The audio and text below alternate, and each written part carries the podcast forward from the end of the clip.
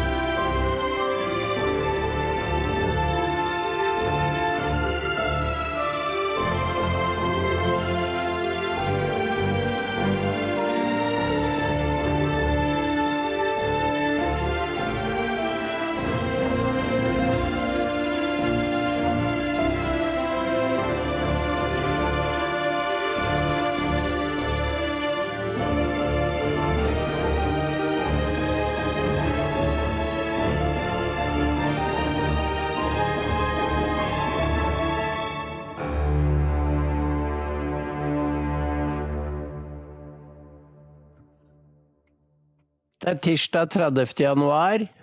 Hei, Alf. Hei, Hans. God morgen. Hvordan står det til i Spanien? Ja, du, jeg, jeg må jo, selv om jeg er et øh, eldre, litt eldre enn deg, så må jeg jo si at det står jo aldeles glimrende estupendo, som vi sier her. Fantastisk. Det er ikke okay. sol i dag, da, men det er øh, 10-10 grader. Jeg så på, Ja. på, på Jeg får jo en rekke meldinger fra min hjemby Hammerfest. Og der er været nå det vi kaller for malabarisk. Det er orkan. Å ja. Det er Mhm. orkan. Og jeg tror det ligger rundt null grader med springflo. Og det er, eh, det er selvfølgelig det, det er jo en ting som vi som er eh, litt oppi åra husker veldig godt. Og det er da vi, eh, vi, vi krøp, vi gikk ikke, men vi krøp med har gått ned over ørene for å komme frem og tilbake. Malabarisk, det må jo ha en opprinnelse nede fra der du er? Nei, jeg tror det er Er ikke det, på, er ikke det et sted på, eh, i Det indiske hav, da? På kysten og der nede? Å, Ja, ok. det er, det er, det er når, Du vet når han er malabarisk i dag, vet du. Da, er- da, er, da skal du bare skalke lukene og gå hjem. Men hadde det vært, hadde det vært på Øst- Østlandet hans, så hadde det jo vært uh, katastrofeoverskrifter i alle avisene. Ingen, all trafikk hadde vært stansa, og, og hele livet hadde vært på grensen til sammenbrudd. Og, og alle de grønne uh, hadde fått hysterisk eh, anfall.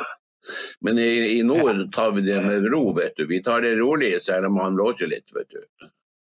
Det er noe sånn det er. Ja ja, et lite lavtrykk i ny og ne, det tåler vi, vet du. Du, her setter de krisestab bare det detter ned eh, noen centimeter snø. Ja, jeg så det. Jeg bare ler meg i hjel. Jeg, jeg bodde jo på, eh, i Ekeberg i 30 år. Så jeg, jeg så det. Det var 20 cm, og all trafikk sto. Hva er det de har gjort? Har de, har, de, har de solgt alle brøytebilene, eller hva? Er det han Raymond som har gjort det? Nei, det er at det ultimate kortet til den totalitære staten er å monopolisere været. Fordi det er alle underkastet været. Det er, ja, ja, det er, det er genialt sagt, Hans. Ja, jeg er enig i det. Da, du, da har du nådd målet. Eller bunnen. Altså, kulde er politisk. Kulde er politisk, og snøen er for, for, ø, politisk. Jeg så NTB hadde en, uh, et intervju med en forsker, og han forklarte da Fikk dette til å gå i hop mellom klimaforandringer og, og kulde og snø med at været skulle bli mer intenst. Det var ordet han brukte om og om igjen. Og det hadde de jo sagt hele tiden. Ja ja, du som har hester. Det er, er ikke det man kaller for å ri to hester samtidig? Det pleier å gå veldig dårlig til slutt, gjør det ikke? Jo, gjør det. Gjør det. Ja. Så hvem, er, eh, hvem, er, hvem, hvem er egentlig skylda hans? Vi må jo være ærlige med lytterne her. Er det Putin eller er det Trump? Hva sier de?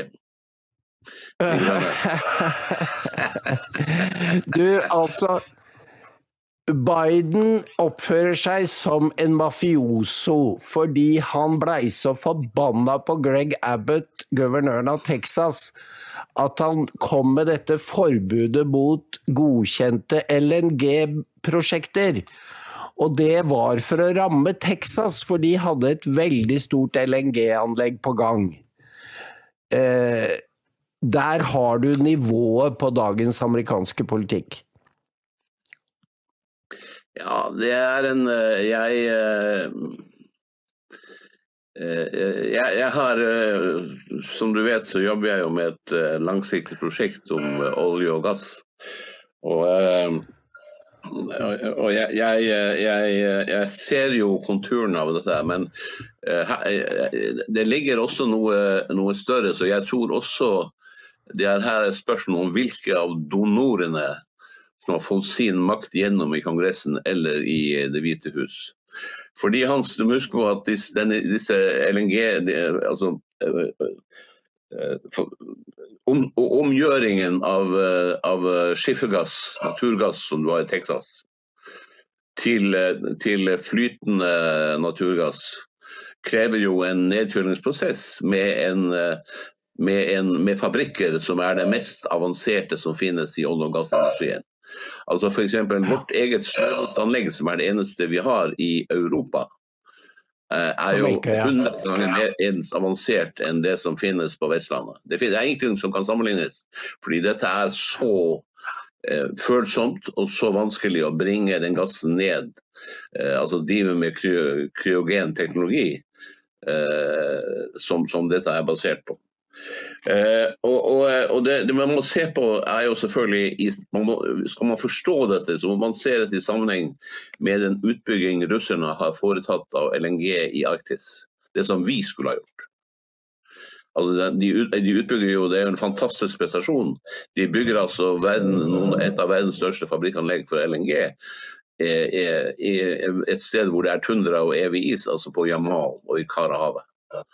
Og Den gassen hans skal jo gå, skal jo gå til det, det, asiatiske markedet, som er, som er, det opprinnelige hovedmarkedet for LNG. Eh, nemlig Japan, Korea, Kina og andre asiatiske land. Og det er klart at det det, Når amerikanerne først tok ut uh, Nord Stream pipeline og stoppa gassen til Europa, så er neste steg at de ønsker å ta ut Jamal og da trenger de, da må de erstatte den hvis de skal, hvis de skal presse prisene oppover og bli steinrike, disse donorene til Det demokratiske partiet, til krigspartiet. Så, så, så, kan de ikke stoppe utbyggingen i Texas, fordi dette er jo, det er jo herfra gassen skal gå gjennom Panama-kanalen, eller, eller uh, gud vet hva som blir utskipningshavn for dette, til de asiatiske markedene over Stillehavet. Det er vanskelig å tenke. De ikke, hvis de seiler den gassen eh, over Atlanteren og tar den andre veien hans, så blir den ti ganger dyrere enn den opprinnelig er tenkt. Så, så, så, det finnes et, Bak den opprinnelige diskusjonen mellom guvernøren og Det hvite hus, finnes det en maktkamp mellom donorene in the deep state. Dvs. Si, de er de store gasselskapene som profitterer enormt på dette. Og Nå er det åpenbart én part som har klart å gi og bruke Biden eller Det hvite hus og, det, og, og, krigspartiet til å gi motparten, eh, sette motparten tilbake i den konkurransen som vil skje internt om å erstatte eh, Australia eh, og andre konkurrenter, eh, eh, Midtøsten, om eh, det asiatiske markedet for LNG, som er enormt, og som kommer til å bli enda større i tiden som kommer. Men pointet, problemet for disse karene er jo at den gassen som russerne utvinner, og som vi burde vært med på å utvinne, for vi har teknologien, eh, på Jamal, den vil jo gå Nordøstpassasjen og ankomme Asia til halv pris. Så her er det jo et spørsmål i det om dette fører om når, du, når, du, når, du blander, når du blander sånn som de gjør i USA nå, så ligger det en underliggende og mye større konflikt bak dette.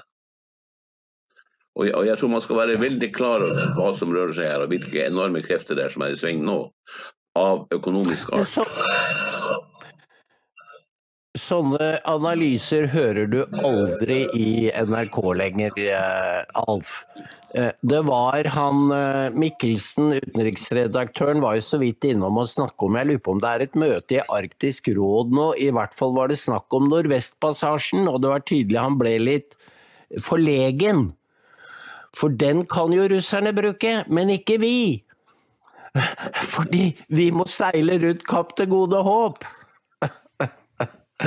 Så våre varer blir veldig dyre. Altså snakk om å spille seg selv ut over sidelinjen. Og nå er jo USA da Ja. Ja, jeg, jeg, jeg, kjenner ikke Jeg kjenner jo mange NRK, men jeg kjenner ikke herr Mikkelsen. Så jeg vet ikke hvilken kapasitet han er på dette. Jeg går ut fra Du vet selvfølgelig Nordøstpassasjen. Det er klart at, at Nordøstpassasjen hans er jo, er jo en, en, vannvei som vi hadde hatt den aller, aller største interesse av å være med å utnytte.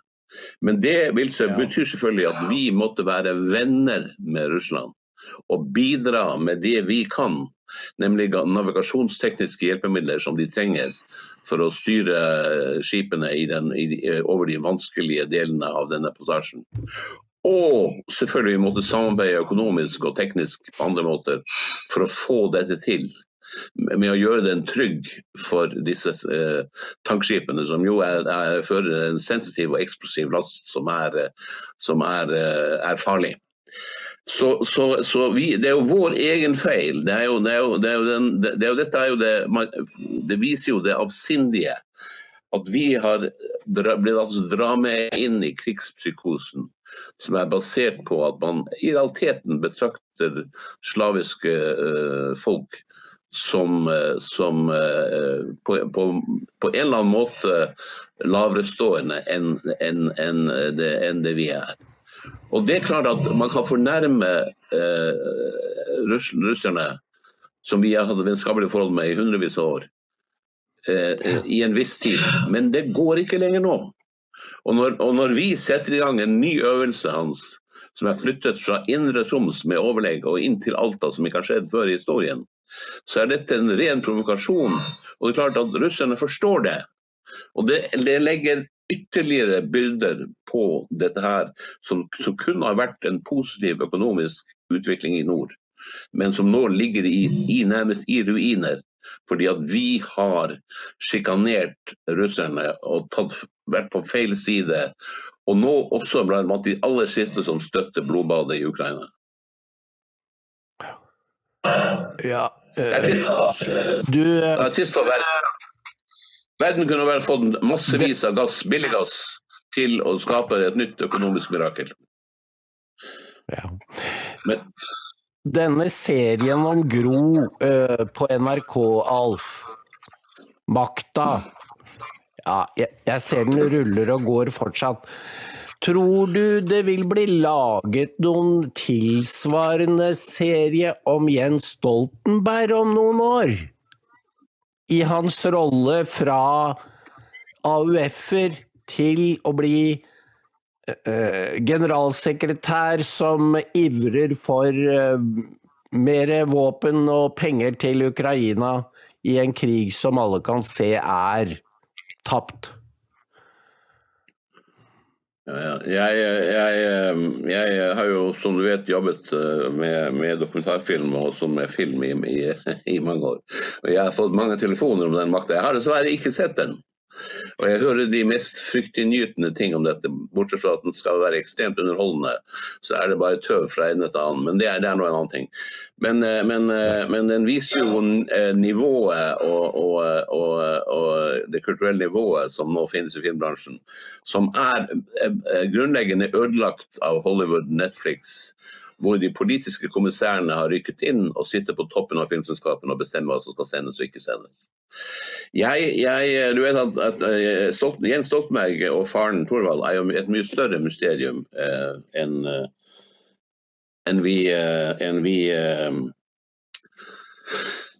enn en vi uh, har tatt inn over oss. Det, det, det Sannheten er, altså, og det var, det var jo uh, i Brennpunkt vi avslørte at um, at en av de unge Arbeiderpartifolka som KGB kultiverte med stor iver i rundt 1990, da muren falt, det var uh, Jens Stoltenberg. Uh, og du vet at uh, en kultivering av KGB var mye mer avansert enn det som fremgår av, av kiosklitteraturen om dette. Det består for det første av en, en lang og meget omhyggelig psykologisk studie som er gjort på basis av massevis av, av skriftlig og muntlig materiale som er innhentet av, i, i miljøet rundt han. Det består av en hel masse rapporter og, og, og, og andre typer analyser. Eh, som, og det er, jo ikke, det er jo ikke offiseren i Oslo som tar beslutningen, men han må sende dette materialet til KGBs hovedkvarter i Moskva, hvor det sitter eh, Norges eksperter på toppen, og de gjennomgår dette materialet og så bestemmer seg om Stoltenberg er moden for rekruttering. Og Det var jo det som skjedde, at de ga ordre om at han skulle rekrutteres rundt 1990. Fordi de kom til at han var en kandidat som kanskje ville la seg omvende. Og de ga han kodenavnet Steklov. Mm. Og det, det som var interessant for russerne, ut fra det vi vet. Eh, fordi eh, jeg har jo avhørt avhopperen som ga disse opplysningene, og som var ved ambassaden i Oslo i, frem og tilbake i, i, over lang tid. var jo at han satt Stoltenberg den gangen i Willochs forsvarskommisjon. Og det var det de var interessert i. De så potensialet. Og de hadde jo også hatt et nært forhold til altså den tidligere generasjonen, til Thorvald Stoltenberg som, som uh, lot uh, russerne finansiere uh, festene og restaurantmiddagene, og ble veldig sur, hvis du leser Potts egen historie. Da, da han måtte ble forflytta fra et departement til en annet departement fordi de ville unngå at han kom med berøring med for mange hemmelige saker. Så, så, så, så, dette er et mysterium at, at Stoltenberg kan ta, kan ta spranget fra Og han ble redda av uh, denne kilden som, uh, som uh, vi hadde i, i, KGB, som advarte da han fikk vite hvem Stekla var, som advarte regjeringen, og som igjen innkalte Jens Stoltenberg til et møte og sa at hvis ikke du passer deg, så kan du ende i KGBs garn. Og Slik var, ble han redda. Jeg vil ikke si at han ble der i siste liten, men han ble redda i hvert fall i tide. den kunne snu om. Og så har han tatt spranget fra det hans. Og Det er jo det som er mystikken i dette. Og som selvfølgelig hadde vært et tema hvis du hadde hatt eh, dramatikere som var interessert i virkeligheten. Så Det er jo det som er interessant. Hvordan kunne han ta, ta spranget fra eventuelt å gi KGB opplysninger om Norges forsvarsplanlegging? Jeg sier ikke at han gjorde det, men det var det KGB var interessert i. Og de anså han for å være en passende kandidat. Hvordan kunne han ta spranget og derfra gå inn i Nato? Og husk på at han gikk i Nato i 2014. Og, og ble dermed Jeg sier ikke han ble medskyldig, men han var derfor uhyre nært i det vi kaller for Maidan-kuppet, som var regissert av CIA. Og fra 2014 har Stoltenberg selvfølgelig i nærkontakt med de norske regjeringene eh, ledet Nato nå da ni, på det niende året gjennom en massiv opprustning av Ukraina med ett mål for øye å destruere og ødelegge Russland.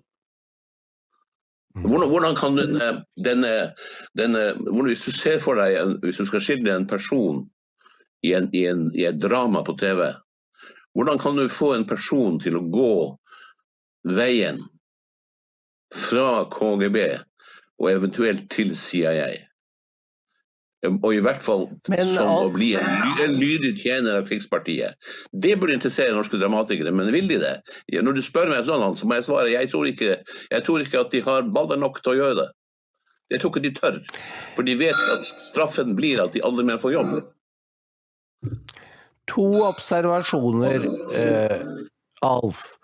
Og det er at grunnen til at eh, Stoltenberg kunne foreta denne transformasjonen, er at CIA begynte å ligne mer og mer på KGB. Så der har du det moralske forfallet. Men du har helt rett at det er utenkelig at uh, norske filmskapere og journalister skulle kunne klare å skildre denne uh, transformasjonen, for de er selv blitt dens lydige tjenere, og de ser ikke lenger skogen for trær. Så jeg, men det vi må gjennom er, tror jeg, en nasjonalt traume, en katastrofe. For det er det som venter for enden av denne utviklingen. Det er, og Biden er i ferd med å nedkalle et slikt nemesis over USA. Helt bevisst. Og det vil ikke norske medier skjønne, og ikke politikere. Så nå hopper vi da til da det spillet som foregår for åpen skjerm hver eneste dag. I dag tidlig så, så jeg på uh, Ingraham uh, Det var Stoltenberg som møtte Lloyds i Austin, som var tilbake på jobb. Og Austin roste uh, Stoltenberg fordi han hadde ledet krigen i så mange år. Det var helt bisart, fordi Austin ser helt bortreist ut, og så måtte han si noe om de drepte soldatene i eh, Nord-Jordan, og da måtte han lese i papirene hva han skulle si. Eh, så Ingram kommenterte jo at hvis du må gå i papirene for å lese opp en kondolanse, da er det noe gærent.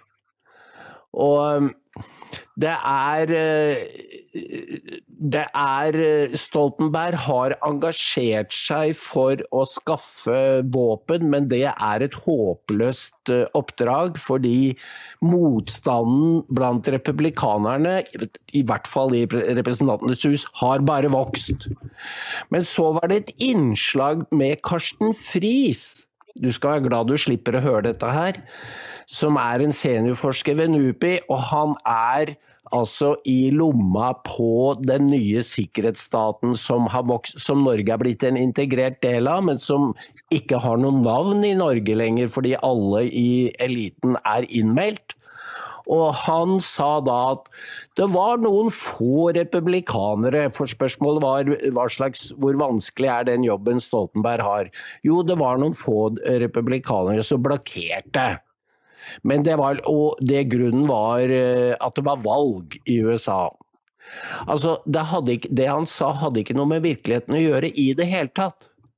Fordi USA er i ferd med å falle fra hverandre og er inne i en dyp politisk og konstitusjonell krise. For når presidenten vil sende soldater for å nedkjempe en delstat som vokter den ytre grensen, så er det alvorlige ting på gang. Og dette får ikke nordmenn med seg, hvor dramatisk det er, og hvilken rolle vi spiller i dette her, Alf. Fordi vi er jo tillitsnasjonen som skal levere våpen for å beseire Putin. Det er vår oppgave. Og vi har alle disse pengene, så hvorfor skal vi ikke bruke dem på våpen? For det første så må jeg si at uh, din analyse, Hans, uh, er jo uh, glitrende. Og jeg er helt enig i hvor sørgelig den er jeg høre det. Men det er, det er, jeg, er redd, jeg, er redd, for at, at, at vi rykker stadig nærmere denne fundamentale krisen, som vil dels være økonomisk, dels moralsk, dels politisk, men som også kan dessverre ende i en, en, krig i et mye større omfang enn det vi ser i dag. Um, og når du, når, du, når, du, når du, spør meg det er klart at Lloyd Austin har jo vist seg eh, å være en, en, marionett som Stoltenberg. Eh, eh, løftet opp av Obama, antageligvis ikke spesielt begavet. Uh, heller ikke Stoltenberg, som, som, alle vi som var i politisk uh, journalistikk visste, at han var ikke noen smarting. Uh, så de har latt seg bruke. Gud vet hva de har fått i, i, i, i lønn og, og, og, skattefrie fordeler. og hvis du tenker på det, Hans, hva, hvordan AUF i f.eks. i 83, under, da, da, disse karene var på høyden av i ungdomspolitikken, hvordan de så på, på utplassering av, av mellomdistanseraketter i Europa, og hvor, hvor, hvor intenst de var imot en, en væpna altså, krig og en, konsentrasjon i Europa. Hvordan har, de, hvordan, har, hvordan, har de, hvordan, har, hvordan har, fredsnasjonen Norge med disse karene i spissen forvandlet seg til å bli ledende i en krig i Sentral-Europa som ikke har noe formål? Det er en krig som, har, som selvfølgelig har ingenting med Ukrainas demokrati å gjøre. For Ukraina er ikke og har aldri vært et demokrati. Den er blitt iscenesatt av CIA etter at de under Victoria Nulands ledelse kuppa uh, regjeringen, avsatte en uønsket regjering og innsatte en ønsket regjering i 2014. Og gjennom systematiske provokasjoner mellom 2014 og 2022 tvang de Putin inn i et hjørne. Mens de hele tiden rusta opp den ukrainske hæren og, og, trodde på alle disse uh, såkalte spesialistene, analytikerne og konsulentene i, i denne, denne, denne, enorme staben som sitter rundt i ulike konsulentselskaper, som sa at Russland var på knærne. Og at det var bare å gå til angrep, så ville, ville Kreml falle sammen som et korthus. Og de har tatt fundamentalt feil. Og det interessante spørsmålet i min verden hans er å diskutere for oss som er igjen og som har klart å bevare gangsynet i dette her og stått imot presset. Vi diskuterer hva skal skje nå, når dette snur, Hans. Denne krisen vi ser kommer. Hvordan, hva, hva, hvordan, skal vi håndtere dette? Er det så at Stoltenberg nå skal få kongens vurderingsmedalje for uh, av Storkorset. Og bli, eller, eller, at Støre blir generalsekretær i FN, som noen sier. Eh, er, det så? Skal de belønnes og gå inn i nye lederstillinger etter den katastrofen de har stelt i stand? Se hva de har gjort med Norge. De har, nest, hvis du ser på Norge og Tyskland, som er de to ytterliggående eksemplene på hvordan rike, velstående land nesten blir destruert basert på politisk hysteri som det grønne skiftet er bygger på. Når dette, det fantes alternativer og vi hadde penger og kunne spilt en helt annen rolle. Og vi har alt vi har gjort, Den regjeringen har gjort alt feil. Fra å gjøre oss til uvenner med folk som har vært våre venner i hundrevis av år, til, til eh, eh den feile kursen de har valgt i Midtøsten og andre steder. Jeg så, når du snakker om dette, Hans, så må jeg si deg eh, om, om konsulentene, så så jeg i dag i VG, min gamle avis, at de eh, med gigantiske bokstaver eh, på førstesiden skrev at noe var skamfullt. Da må du jo slå opp og se hva det var. Jo, det som var skamfullt i VGs verden, var ifølge tre-fire kilder de hadde i, konsulent, i, konsulentvesenet blant de politiske kommissærene, Eh, det var én som hadde tatt doktorgraden på, på FNs uh, hjelpeorganisasjon for Palestina, UNRWA. Så det skamfulle var at de store landene i Vesten nå har trukket sin støtte, mens Norge ikke har gjort det. Altså den organisasjonen som har tillatt Hamas å bygge seg opp og begå folkemordet i Israel. Det som er skamfulle, er at, vi, at alle ikke bare omfavner de og fortsetter å støtte dem med penger som skal brukes til å bygge nye tunneler og, anskaffe nye våpen for å fortsette eh, målet, mot målet som er å utslette Israel for godt. Det er, det er når, når, når, det er kommet så langt at journalistene i, i, det som var Norges største avis, det var Norges største avis i min tid, at de velger den innfallsvinkelen og den tittelen på side 1 så er det fordi de er et offer for den mest primitive av propaganda.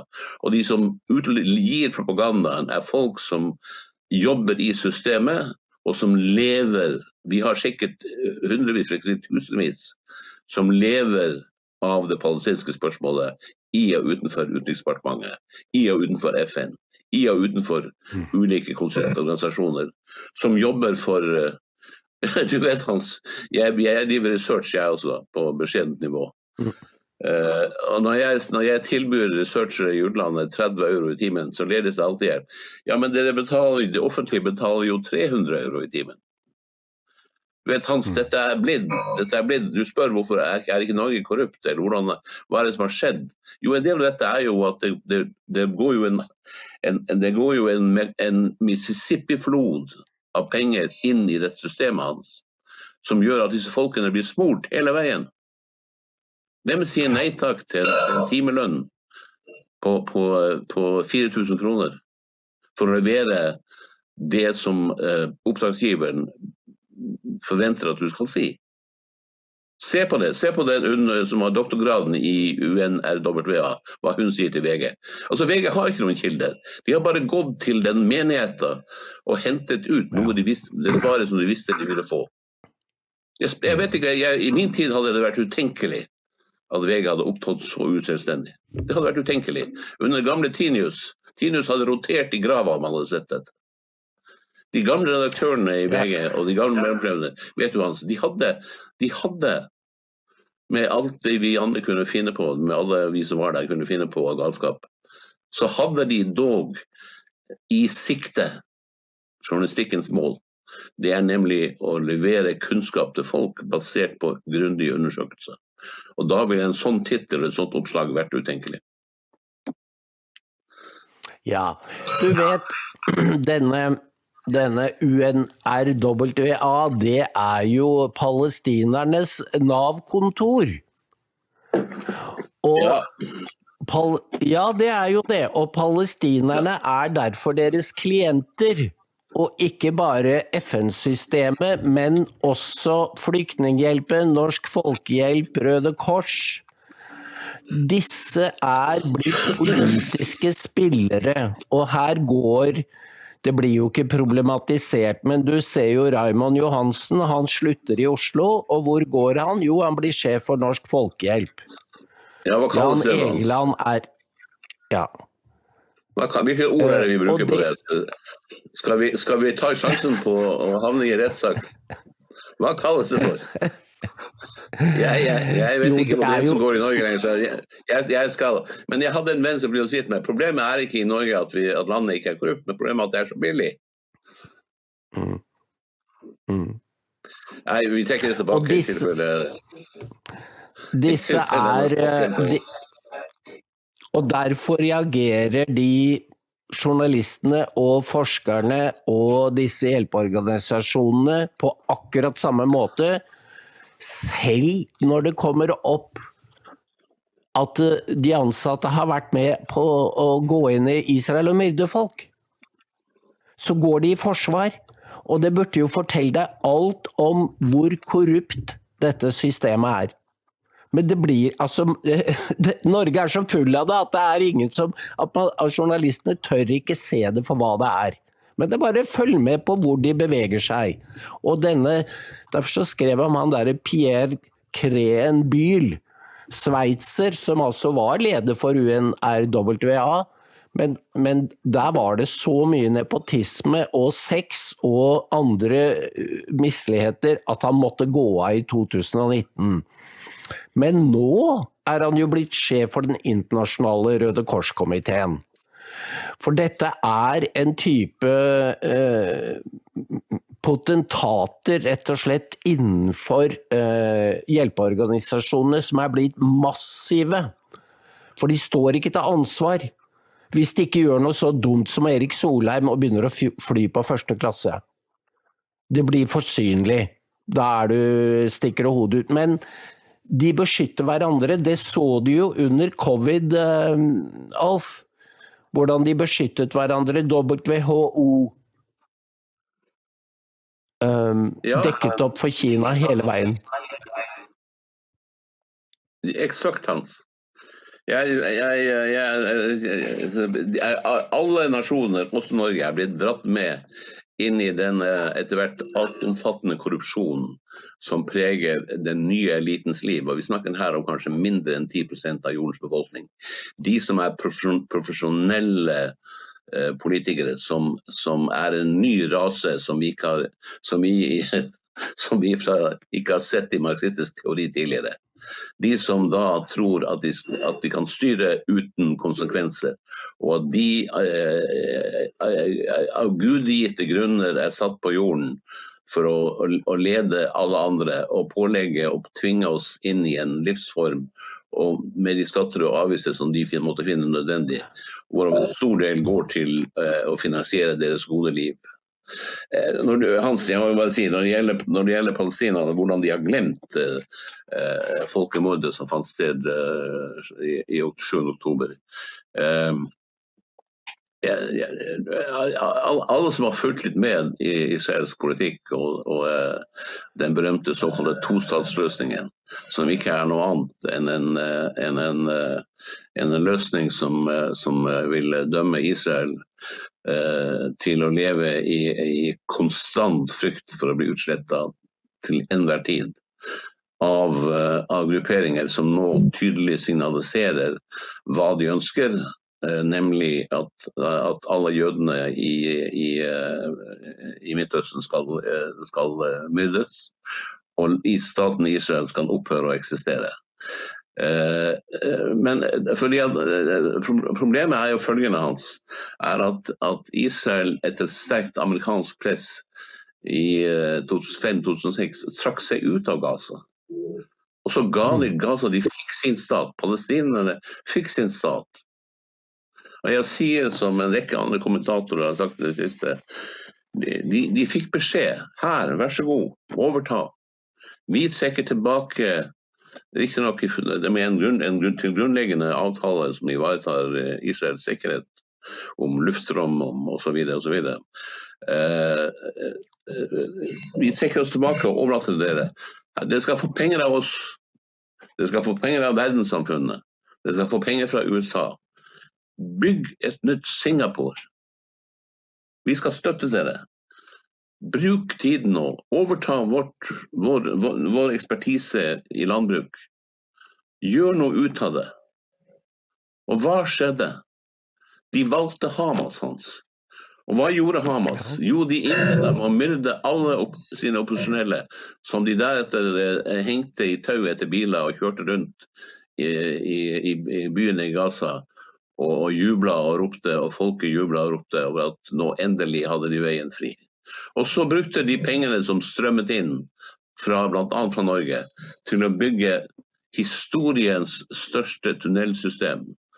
Som gjør tunnelsystemet som, var i, i, som Vietcong hadde i sin tid i Vietnam, til, til en mm. enkelt uh, T-banestasjon i et vanvittig underjordisk nett, hvor alle pengene er gått. Og de har gått under sykehus og under offentlige bygg hvor UNRV, WA har sittet. Og mye av dette har vært kanalisert gjennom denne organisasjonen. Og så sier de i dag at de ikke visste. Alle skjønner jo at dette her er usant og at Israel er i en desperat situasjon hvor, hvor du stilles overfor djevelens alternativ.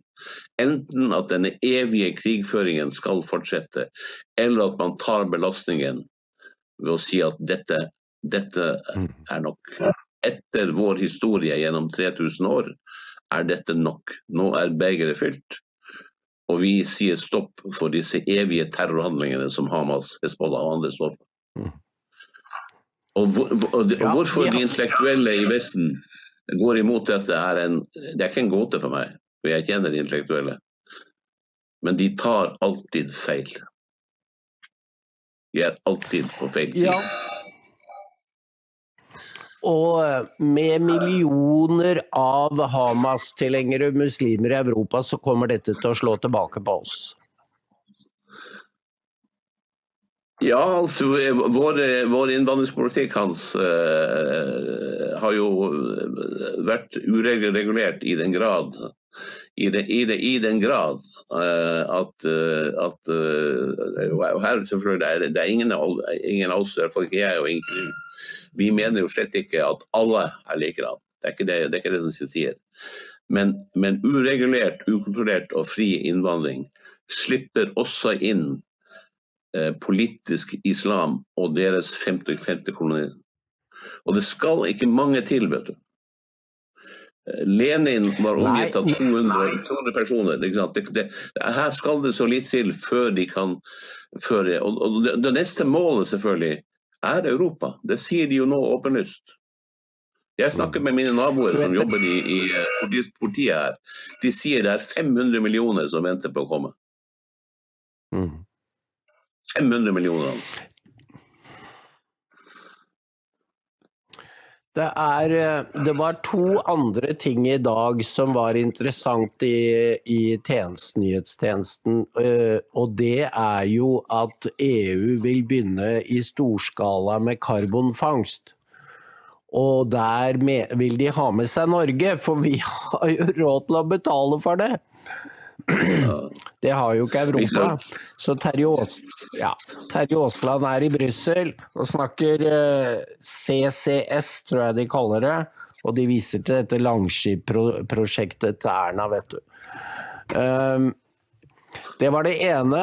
Um, der skal det gå mye penger. Og det andre var at de vedtok i går eh, rensing av kloakk, som kommer til å legge nok en sten til byrden for vanlige folk i Norge. Som bor da spredt, som overhodet ikke behøver å ha alle disse forordningene. Og så var det det tredje, og det var Heidi Nordby Lunde i Høyre. Som sier at nå må vi forte oss fordi EU skal lukke døra. Eh, de har nemlig bestemt at de skal ikke ta opp flere medlemmer etter 2030. Så nå må Norge stille seg i kø så vi kommer inn. Her har du agendaen eh, for Norge. Hva vi er med på, hva vi skal bruke penger på, det grønne skiftet. Og så skal vi stå og tigge med lua i hånda for å slippe inn. Det er et politisk drama, dette, uten like, men det fins ingen til å tegne og fortelle det. Men du og jeg kan jo snakke om det, Alf. Eh, for her skal norsk middelklasse betale for å bli deklassert. Akkurat som eksport, flyttingen av jobber til Kina deklasserte den amerikanske middelklassen.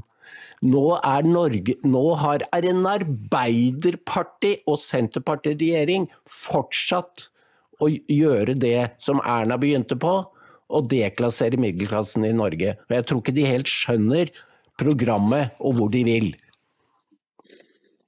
De, de, er gode å finne på navn. Erna er, er Langskipet, der er fra vikingtiden. Men husker før det så var det jo, eh, så var det jo uh, Stoltenbergs månelanding.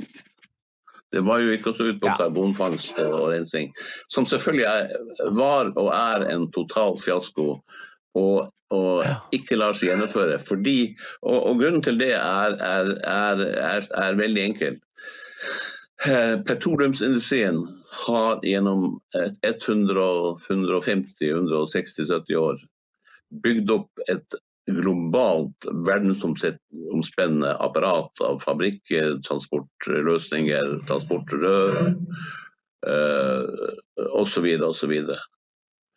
Hvis du skal fange karbon og, og, og føre det eh, under jorden, eller hva de enn tenker å gjøre med dette, så må du replikere. Du må bygge noe som nesten er tilsvarende det petroleumsindustrien har gjort 150 år. Og, det, det, og det, er klart, det er mulig at det er riktig, Hans. At vi er, en eller annen gang vil være så utsatt for kloden vil være så utsatt at det er riktig.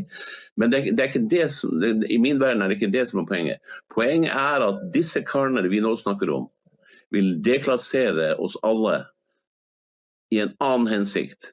For og må, og Middelet de bruker, Hans, det er jo at de vil gjøre dette her, ikke på, som oljeindustrien på 150 år, de vil gjøre dette på fem år eller ti år.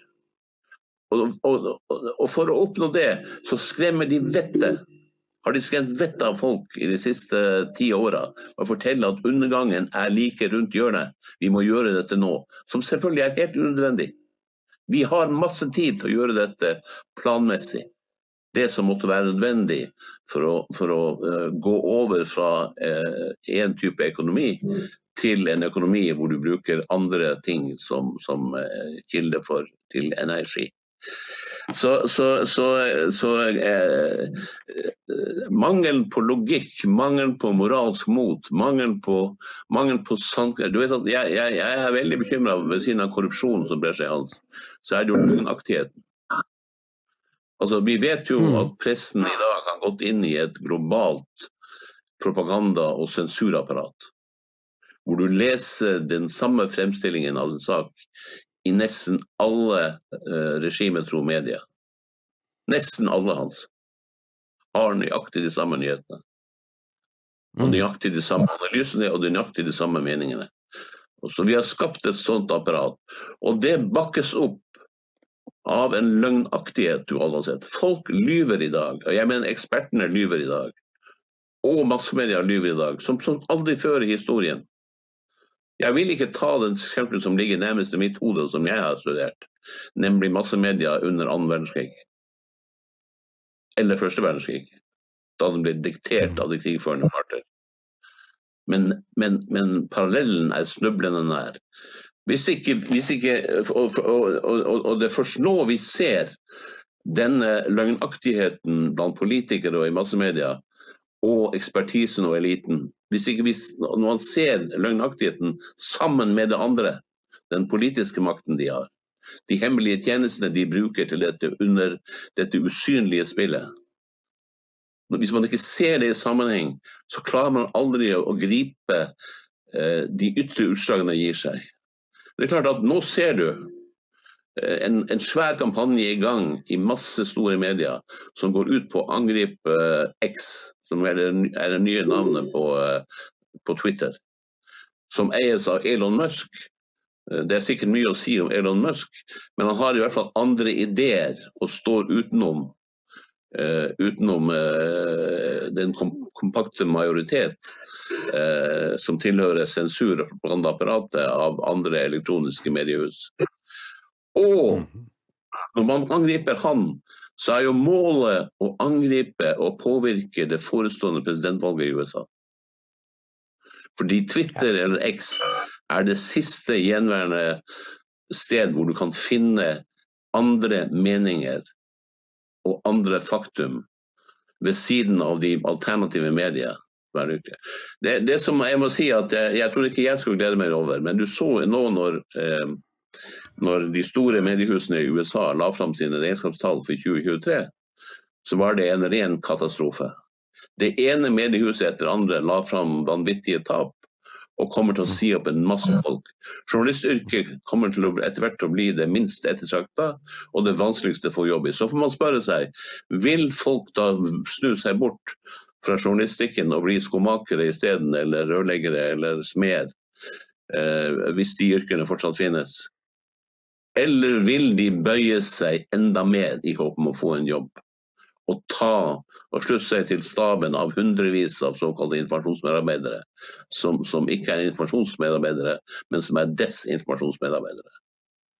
Så jeg er enig i Hans, vi sklir mot en konfrontasjon som også vil omfatte dette, og som er moralsk politisk i sin karakter.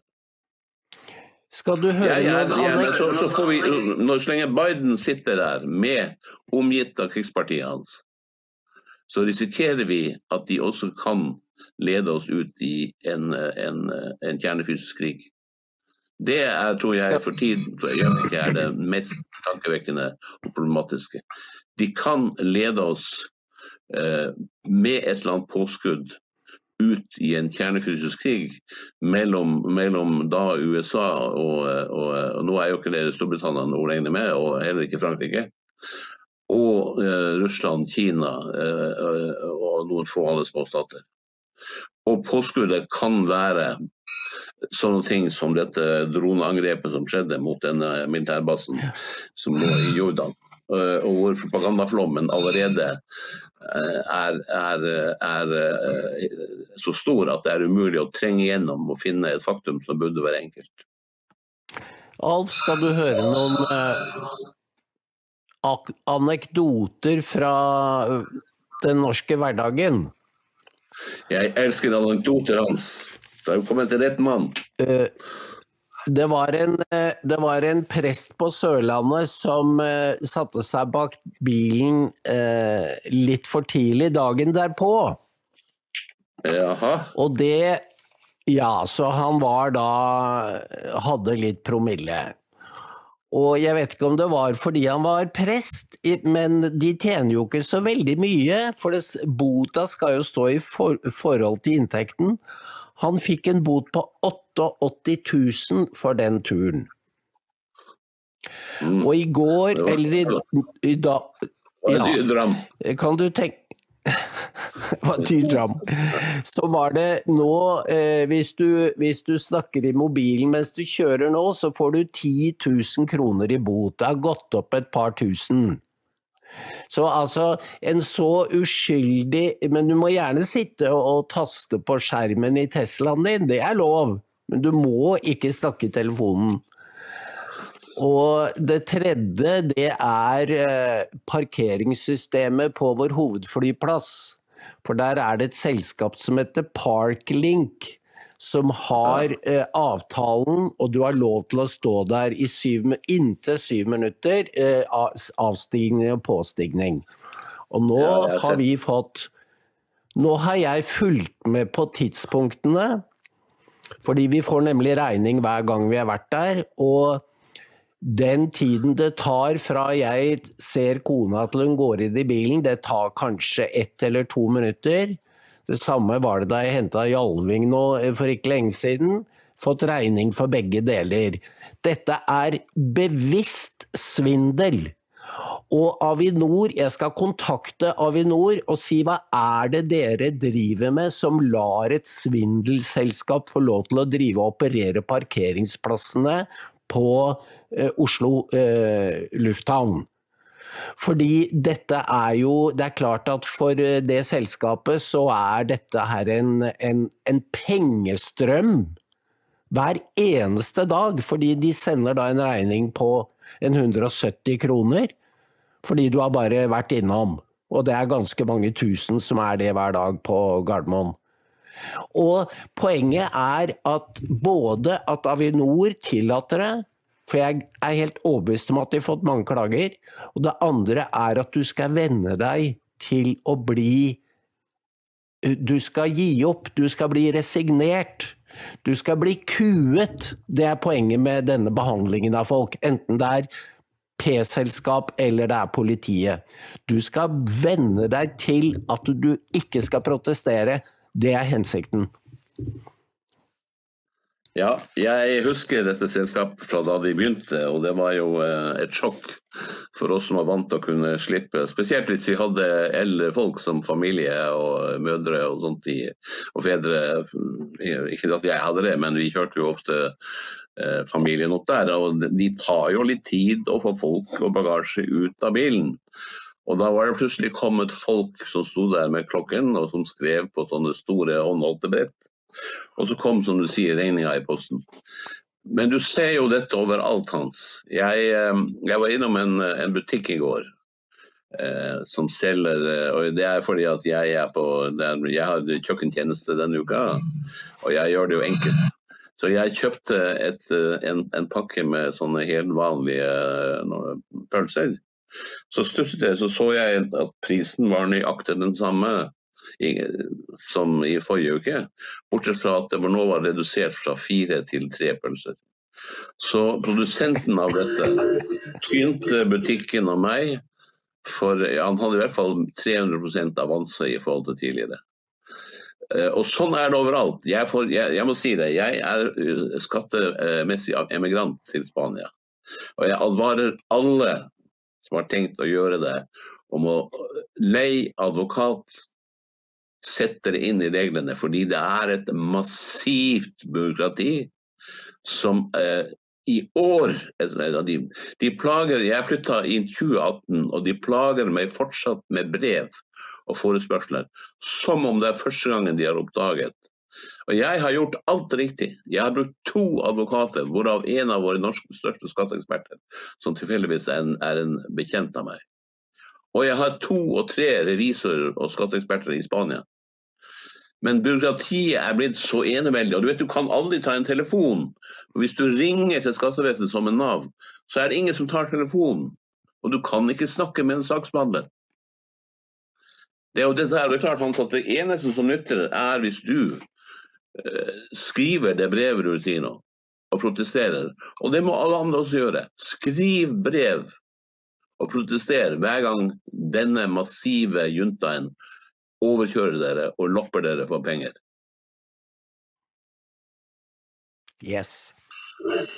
Ja, Alf, øh, jeg blir hjemme, jeg, vet du. Jeg, får, jeg mister helt lysta på å øh, reise fordi det er blitt et Jeg liker ikke systemet som det er blitt nå.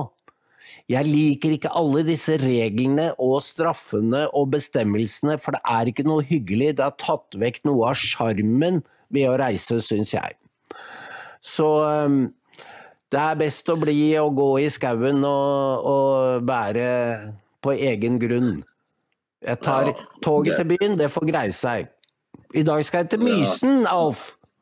Vi skal til Mysen, for der oppretter vi lokallag. Ja, det blir jo flott, vet du. Mysen er flott. Jeg har jo, jeg har jo eh, selv om jeg er fra Finnmark, så har jeg jo jeg har reist mye i Østerdalen og oppover Gudbrandsdalen og lagd reportasje Ja. i min tid. Jeg har uh, lagd reportasje om alt mulig fra, fra, fra Morud gårds uh, potetchips til, uh, til et yrke som var meget spennende. Og jeg har vært med tømmere og hoggere ut på jobb da det, var, eh, da det, da det foregikk uten maskiner. Og jeg har vært med noe som jeg fant var utrolig, utrolig interessant og sjarmerende. Sjarmerende er et feil ord. Men det var de som plukker mose og binder kranser. Som så vidt jeg forstår er en spesialisert eh, eh, håndverk som har gått i arv i generasjoner i familiene. Hvor folk eh, gikk ut i terrenget, fant fram mose og lagde de mest fantastiske eh, og vakre eh, kransene og bukettene du kunne, du kunne se. Så, eh, så du får hilse Mysen fra meg, Hans. Jeg håper jo at toget går i rute, da, Hans. Jeg skal ikke, jeg skal ikke Du får ta spaden med, vet du, så kan du jo hjelpe til å mokke skinnene fri. Takk for i dag, Alf. Takk sjøl, Hans. Hei.